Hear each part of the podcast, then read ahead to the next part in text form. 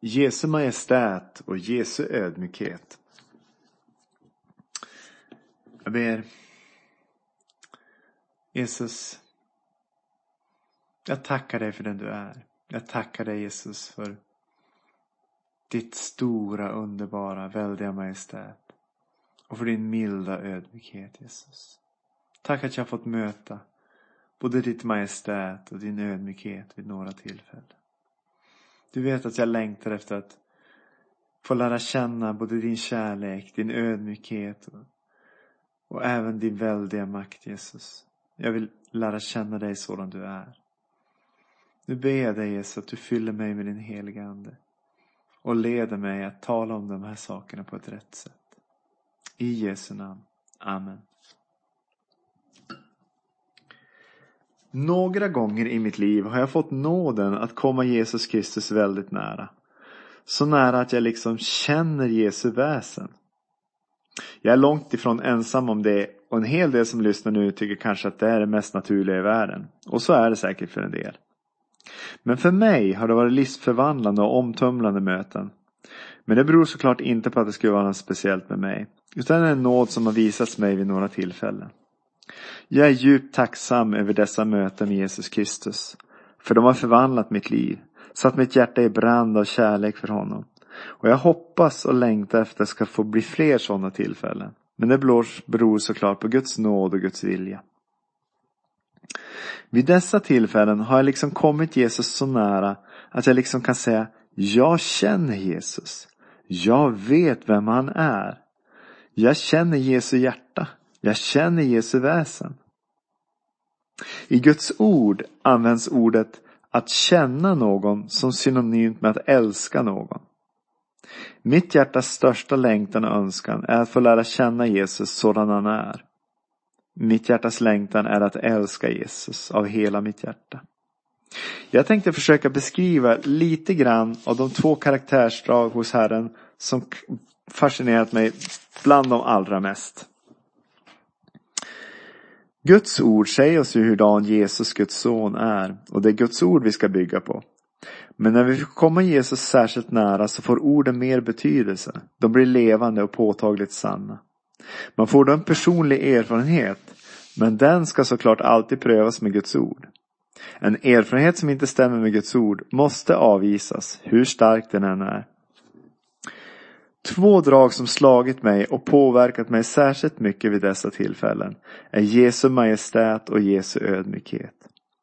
Jesu majestät är nog det första drag som slår en när man möter honom. Jesus är otroligt mäktig. Han säger själv att åt honom har givits all makt i himlen och på jorden. Han sitter på Gud faderns högra sida och regerar i upphöjt majestät. Jesus är som person majestätisk, kunglig, full av värdighet och på samma gång så oerhört ödmjuk och känslig. Jesus är konungens konung. Det finns ingen person som har sådan konungslig värdighet och majestät som Herren Jesus Kristus. Jesus är en konung i skönhet, makt och i ära. En konung vars lika världen aldrig tidigare har skådat. Där mästaren från Nasaret går fram, Jesus Kristus, där Jesu mantel är som ett släptåg bakom honom. Där känner man som människa att man möter något eller någon som är så underbar och majestätisk att man bara vill falla ner på knä i vördnad inför honom. Man blir väldigt liten. Känslan av Jesu oerhörda majestät och vår ringhet blir då så stark att människan häpnar. Och på engelska skulle man nog bara säga oh. Och i svenska säger man väl kanske knappast oj. Men i ett slags förundran och hänförhet inför Jesu gestalt. Man fylls av vördnad. Men trots detta så är Jesus så oerhört ödmjuk, mild och saktmodig. Jesus böjer sig ner i ödmjukhet och lyfter upp den människa som kommer till honom i sin nöd. Jesus, Gud själv, kom till jorden som en tjänare. Jesus, Gud själv, tvättade lärjungarnas fötter samma kväll som han skulle bli förrådd, förnekad och utlämnad till sina motståndare. Han tvättade även Judas fötter, han som blev förrädare. Det gjorde han redan när Jesus visste att han skulle förråda honom. Det är en ofattbar ödmjukhet att Gud, som skapat allting, kommer till människan som en tjänare och för att lida av människors slag, hån och svek. Jesus Kristus, Guds son, lät sig hånas, bli slagen på, spottad på, misshandlad och sedan hängas upp på ett kors. De delade Jesu kläder mellan sig och kastade lott om dem. Det står i Psaltaren 22.19 att så skulle ske och den skrevs flera hundra år före Kristi korsfästelse. Men tänk vilken otrolig ödmjukhet som detta vittnar om. Jesus kunde bara ha öppnat sin mun och sagt ett enda ord och Jesu fiender skulle ha slagits till marken och utplånats av de änglar som Fadern då skulle ha sänt. Men Jesus gjorde inte så. Det är en ofattbar ödmjukhet hos Gud som gör detta möjligt. Denna kombination av drag, det vill säga Jesu majestät och ödmjukhet, som är till synes varandras motsatser, gör Jesus ännu mer tilldragande i mina ögon. Jag har sett många filmer om Jesus. Men min absoluta favorit är The Bible. Där finns det en scen när man läser ur Daniels bok 7, 13-14. Jag läser. Där det står. I min syn om natten såg jag och se en som liknade en människoson kom med himlens skyar. Och han närmade sig den gamla av dagar och fördes fram inför honom. Åt honom gavs makt och ära och rike och alla folk och stammar och språk måste tjäna honom. Hans välde är ett evigt välde som inte ska ta slut och hans rike skall inte förstöras. Samtidigt som detta läses så ser man bilder på hur Jesus kommer gående längs med Genesarets sjö. Han kommer gående i sandaler, med enkla kläder, med en huva som täcker huvudet. Och hela hans gestalt, sätt att röra sig, andas majestät. Det andas vetskap om att han är Gud. Men det andas också en djup, djup ödmjukhet. Sådan är Jesus. På samma gång oerhört majestätisk och oerhört ödmjuk. Jesus vet att han är Gud. Han visste det redan när han gick på jorden. Han är Guds son. Därför kan han vara ödmjuk, för han vet redan hur det ska gå för dem som upphöjer sig och reser sig upp emot honom. De frodas en kort tid, men sen är de borta. Därför kan Jesus vara på samma gång både oerhört kraftfull och mäktig, på samma gång mild och tålmodig. Jesus är både ett lejon och ett lamm. Nästa scen i filmen så står Johannes döparen, döper människor och ropar ut sitt budskap. Han ropar Jag är inte den ni tror att jag är. Jag är bara en röst som ropar i öknen, bana väg för och där står Johannes, också han i ödmjukhet och ringhet och säger Jag är ingenting. Det är någon annan som är någonting. Jag vill bara bana väg för och precis när han säger de orden då står Jesus vid vattnet. Jesus har kommit för att döpas av Johannes. Och han tar bara sin ena hand, varsamt, stillsamt och ödmjukt så viker han tillbaka sin huva så att Jesu ansikte blir synligt för Johannes. Jesus står där tyst full av ödmjukhet, men även full av värdighet och majestät. Johannes som tjänar Herren liksom kippar efter andan, för han förstår vem han står inför. Och full av vördnad, Guds fruktan och hänförelse säger han bara orden The Lord, det vill säga Herren. Det är hebreiskans ord för Gud. Det är en makalös scen om Jesu ödmjukhet och Jesu majestät. Och jag tycker att den framställs på ett så otroligt trovärdigt sätt. Jesu majestät får oss att häpna och något i oss vill ta ett steg tillbaka. Och det är känslan av Guds helighet och insikten om vår syndfullhet.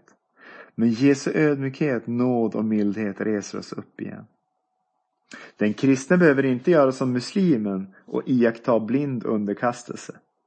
En del tror kanske att jag förespråkar det eftersom jag betonar lyhördhet mot Guds ande och lydnad mot Guds ord men det är inte en lydnad i fruktan och blind underkastelse som, som i islam som jag då talar om. Nej, det är en tillit till Guds godhet. En slags frivillig underordnande. Och en insikt om att han är både godare och visare än vad jag är. Och om Gud säger att något inte är bra för mig, att något är synd, att något är fel, då väljer jag att lita på det. Detta är inte blind underkastelse i rädsla för en Gud i en rädsla för Gud, utan det är en helig gudsfruktan inför någon som man insett är både godare och visare än jag själv. Men även för den kristne som i sin bön får vända sin blick uppåt mot himlen, mot Gud, som till en fader, i tillit, längtan och tro. Även för den kristne så är synen och uppenbarelsen av Jesu Majestät något som väcker förundran, hänfördhet och gudsfruktan. När människor i Bibeln får möta Jesus i hans majestät så reagerar de ofta med att de faller ner till marken, som om de vore döda. Det är som att all kraft försvinner ur människan. Detta gäller även Jesu lärjungar eller Herrens profeter i Gamla Testamentet. När profeten Jesaja från Gamla Testamentet får se Herren Gud i hans majestät så blir han så förskräckt att han utropar Ve mig, jag förgås, jag har orena läppar. Guds helighet får oss att se vår ovärdighet och vår syndfullhet. Men säger någon, sådan var Gud i gamla testamentet. Men i nya testamentet, nya förbundet, är han inte sådan. Men Guds ord säger tydligt och klart att Gud inte förändras. Jesus Kristus är densamme igår, idag och i evighet. Det är en total villfarelse att Gud skulle ha förändrats i de två förbunden. Nej, Jesu Majestät är så väldig, så överväldigande att man bara faller ner till marken. Oavsett om det är gamla eller nya förbundet. Så även Jesu lärjungar och apostlar. Vi läser ur Uppenbarelseboken 1, 17-18. När jag såg honom föll jag ner som död för hans fötter. Och han lade sin högra hand på mig och sa Var inte förskräckt. Jag är den första och den sista och den levande. Jag var död och se, jag lever i evigheternas evighet och har nycklarna till döden och helvetet. Vi ser här att även aposteln Johannes föll som död till marken när han i början av Uppenbarelseboken fick möta Människosonen, Herren Jesus Kristus. Detta trots att Johannes hade vandrat med Kristus under tre år här på jorden och sedan följt honom i tiotals år efter Jesu himmelsfärd genom Guds ande. Han hade trott på, älskat och följt Jesus i många, många år. Men när Jesus uppenbarade sig på ön Patmos i sitt majestät så blev Johannes ändå mer eller mindre tillintetgjord. Så majestätisk är vår Gud, Herren Jesus Kristus. Vi bör ofta påminna oss om att Gud är helig och att ett visst mått av fruktan för honom både är befogat och bra för oss. Herren Gud kallas också i judendomen för Jahve. Det är det allra heligaste gudsnamnet i judisk tro. Och det är så heligt att man på Jesu tid skulle stena den som tog det i sin mun. Vi kristna har mycket att lära av judarna på många plan. Men framförallt har vi mycket att lära av att för en troende jude så är Gud helig. Det är ett av de karaktärsdrag hos Herren Gud som Bibeln nämner allra oftast. I kristenheten idag, i vårt land och i västvärlden i övrigt, talar vi om Gud som om han endast vore kärlek, men det stämmer inte med Guds ord. Bibeln säger att Gud först och främst är helig. Idag i västvärlden börjar vi förlora känslan av värdighet och förundran inför Guds majestät, härlighet, makt och ära. Och detta inte bara ute i samhället utan även i kristenheten. För den som har en känsla för Guds helighet blir till exempel den så kallade skrattväckelsen från Kanada mycket svår att förstå som ett uttryck för en helig Gud. En del andra har Gud som en liten gullig nallebjörn, som en slags kompis som man kan krama om lite sådär gulligt. Ja, Jesus känner med oss i våra lidanden och både vill och kan trösta oss. Så även ibland med en kram, vilket jag själv fått en gång av Herren. Men Herren Gud är en helig Gud, det får vi aldrig glömma bort. Namnet Jahve betyder jag är, vilket också var det namn som Herren Jesus använde flitigt om sig själv i Johannes evangeliet. När Judas hade förrått Jesus och tempelvakterna kom för att hämta Jesus i Getsemane så står det att Jesus frågade dem, vem söker ni? De svarade Jesus från Nasaret. Då sa Jesus, jag är. I am. När tempelvakterna hörde det så föll de tillbaka. De vek tillbaka och föll till marken. Så mäktig är kraften när Gud själv säger sitt namn att då viker människan tillbaka och faller ner mot marken. För så oerhörd är Guds makt och kraft, helighet och ära. Vi bör alla försöka inse, även vi kristna som får förmånen att kallas både Guds barn och Jesu bröder och vänner, att så helig var, är och förblir Gud. Det får vi aldrig glömma bort. En bristvara i vårt land idag, så även i kristenheten, är nämligen gudsfruktan. Och det beror på att vi, även vi kristna, har börjat förlora insikten om att Gud är helig. Ja, Gud är kärlek. Och vi ska predika Guds kärlek. Men vi måste predika Jesu Kristi fullhet. Jesus är också en helig domare som kommer att döma världen en dag och han kommer att döma rättfärdigt. Vi bör aldrig låta den där sunda respekten och vördnaden för Gud gå förlorad för oss. Oavsett hur länge vi vandrat med Herren. Tvärtom, ju längre vi vandrar med Herren och lär känna honom, desto mer bör våra hjärtan vara fyllda av vördnad och ett visst allvar inför Jesu Majestät. Jesus Kristus är inte vem som helst. Han är Herren Gud, alltings skapare, allsmäktig konung. Det bör vi komma ihåg. Vi slår upp Filipperbrevet 2, 4-11. Se inte på ert eget bästa utan tänk på andras. Var så till sinnes som Kristus Jesus var. Fastän han var till i Guds gestalt räknade han inte tillvaron som Gud såsom segerbyte utan utgav sig själv genom att anta en tjänares gestalt och han blev människa. Han som till det yttre var som en människa ödmjukade sig och blev lydig ända till döden, döden på korset.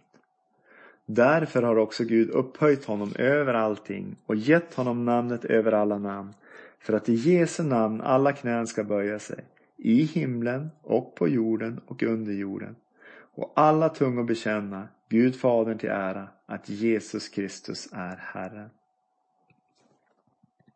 De här orden av aposteln Paulus, aposteln Paulus visar på Jesu ödmjukhet och Jesu majestät. Jesus är Gud, han är Guds son. Men trots det så ödmjukar han sig, antog en enkel tjänares gestalt och betalade hela priset för dig och för mig på Golgata kors för att ge oss förlåtelse för våra synder och evigt liv. Jesus ödmjukade sig och tog emot spott, slag och hån från översteprästerna, fariseerna och de skriftlärda.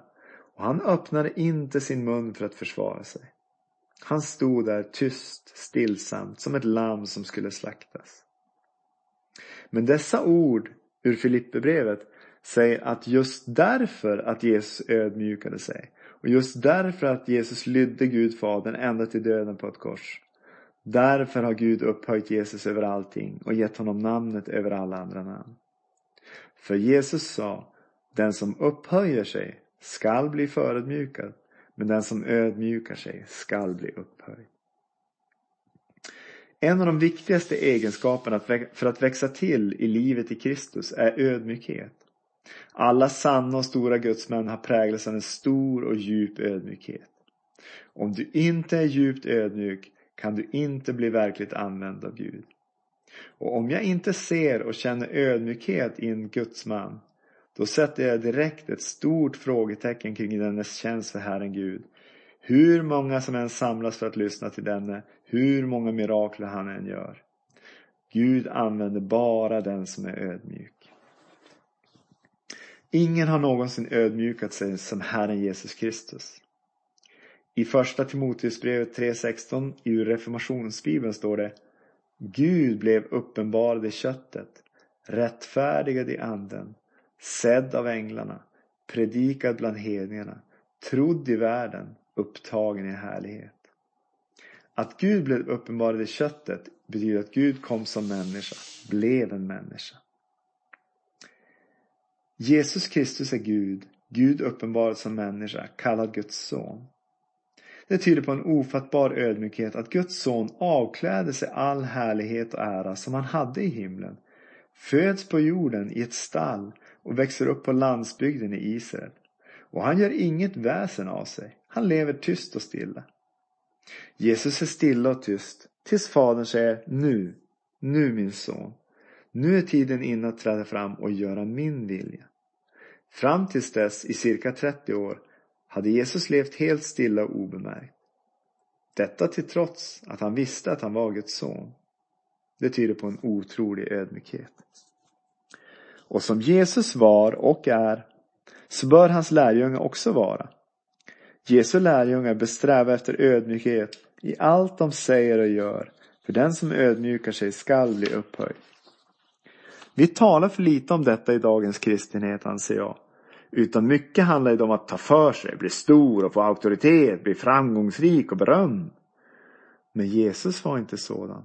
Och vi bör sträva efter att likna vår mästare. Jesus gick genom ödmjukhet till upphöjelse. Gud Fadern har upphöjt Jesus och givit honom namnet över alla andra namn. Alla andra namn kommer att blekna bort.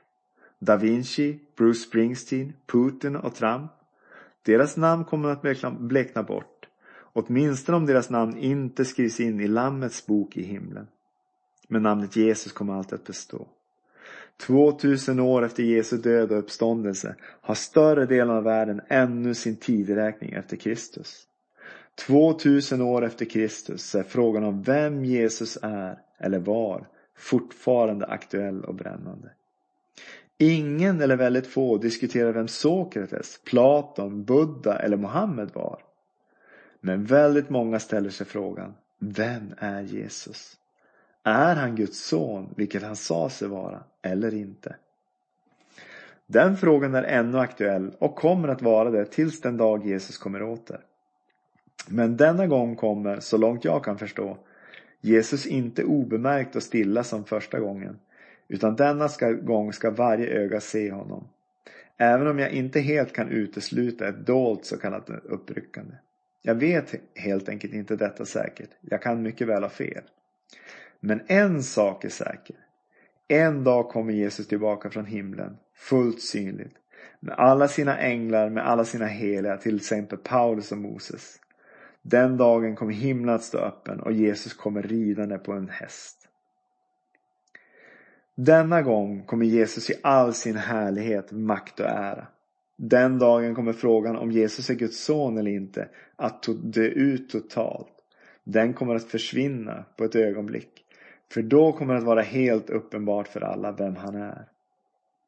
Den dagen kommer alla att känna och förstå att Jesus är djupt ödmjuk. Alla kommer att känna och förstå att Jesus har älskat dem med en innerlig och evig kärlek. Men den dagen får vi också se Jesu Majestät. Och den kommer att få oss alla att falla ner på knä och bekänna att Jesus Kristus är Herren, det vill säga att Jesus är Gud. För varje knä ska böjas och alla tungor bekänna att Jesus Kristus är Herren, Gud Fadern till ära. För Jesu fiender böjs knäna med tvång eftersom de inte velat böja den frivilligt här i, i tiden, här i livet på jorden. Men för Jesu lärjungar böjs de frivilligt, med lätthet och med en inre glädje över att konungen har kommit tillbaka för att befria sitt folk. Den dagen är jag övertygad om är inte långt borta. Jesus är snart tillbaka på vår jord. Och den dagen kommer vi främst och först att få se och erfara Jesu Majestät. Amen.